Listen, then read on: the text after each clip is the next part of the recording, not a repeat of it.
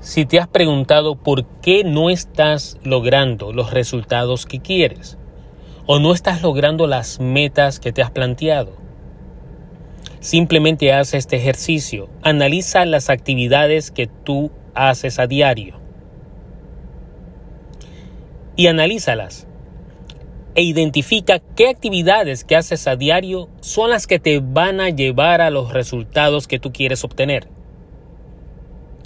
Porque tú puedes decir, estoy muy ocupado, tengo muchas cosas que hacer. Todos tenemos muchas cosas que hacer, pero en la vida hay que priorizar.